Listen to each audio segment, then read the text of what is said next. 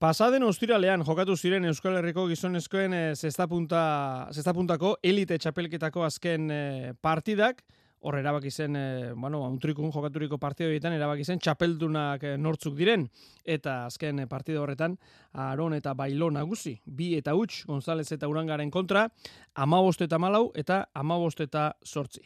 Txapeldunetako bat gurean da, Aron González de Matauko, Gabon. Gabon, opa. Eta zorionak. Eskerrik asko. Posik, txapela lortuta?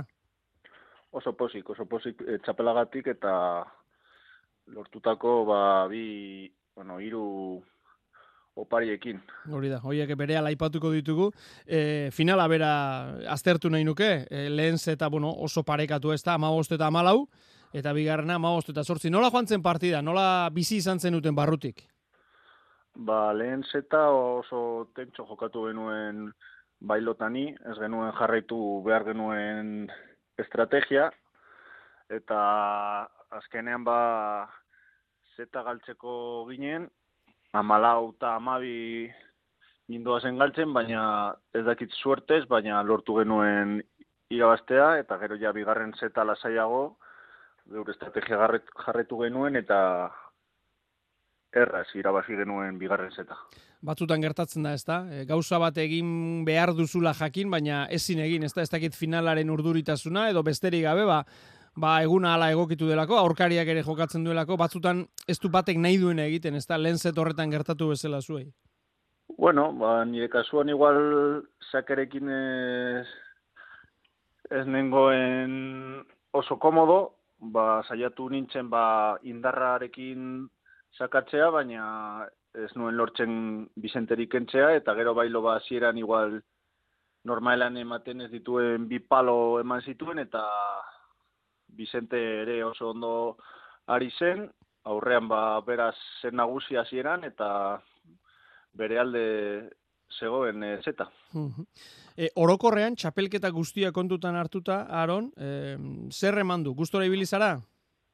Bai, oso gustora. Zieran, ba, Daniatik etorri naiz, estatu batuetatik, eta kosta egin zait partiduetara moldatzea, fizikoki ere kosta egin zait, eta ez nengoen os, nire buruarekin oso konforme. E, baina lehenengo partidutik ba, ondo ikusi nintzen, partidu, bigarren partidua nobeto, irugarrenean kriston partidua ere bota nuen, eta ja konfiantza osorik.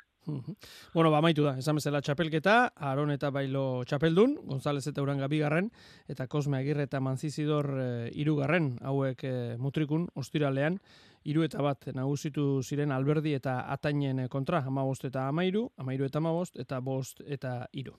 Aipatu duzu, e, txapelarekin batera etorri dela, bueno, kako txartean, ba, oparia ez, de? alaxe zegoen, elite txapelketa irabazten zuenak, baudaran eh, Gran Eslamak eta Masterra jokatzeko aukera, alegia ondarribiko eta ontonostiako Gran Eslama, eta mutrikuko Masterra jai alaibe antolatzen eh, dituenak jokatzeko aukera. Haze, zeuk esan bezala, haze opari udararako, ez da?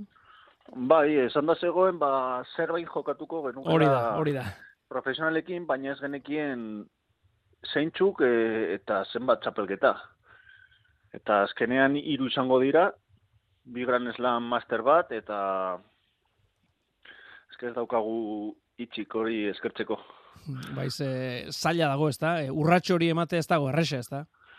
Bai, azkenean partidu gutxi daude, e, kuadro txikia eta ba, gazteak edo pilotari berriak bertan jokatzeko oso aukera, oso aukera gutxi.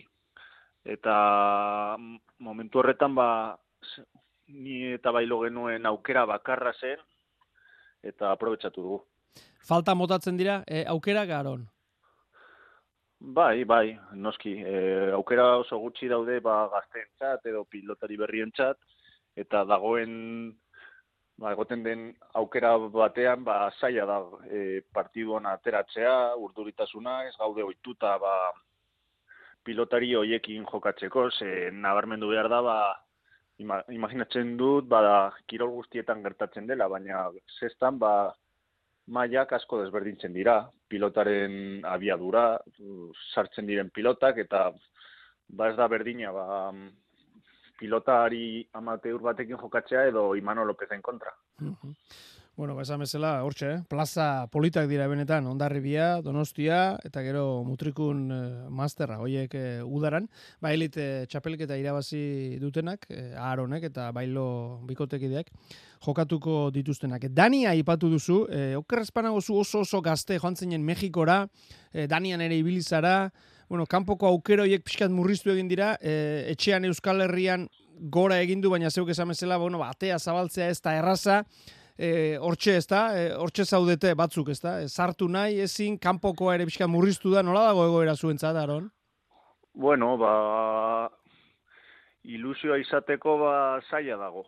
Ba, ni suertea izan dut, ze esan duzun moduan, ba, mazazpi urtekin Mexikoa joan nintzen, ba, estatu batu eta joateko aukera ez nuen inoiz ikusi, ze ezin eskoa zen, baina duela lau hilabete, hilabete joan ginen, kriston esperientzia izan zen, eta gero ona etorri ginen.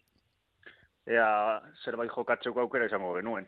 E, txapelketa hauek egotea, ba, gauden ba, hogei pilotarien txat, ba, ilusioa izateko ezinbestekoa dela uste dut. Bueno, bortxe, mesu horrekin e, geldituko gara. Aron González de Matauko esan bezala sorionak e, garaipenagatik, etorri denopariagatik, eta segilanean eta eta gozatu. Eskerrik asko.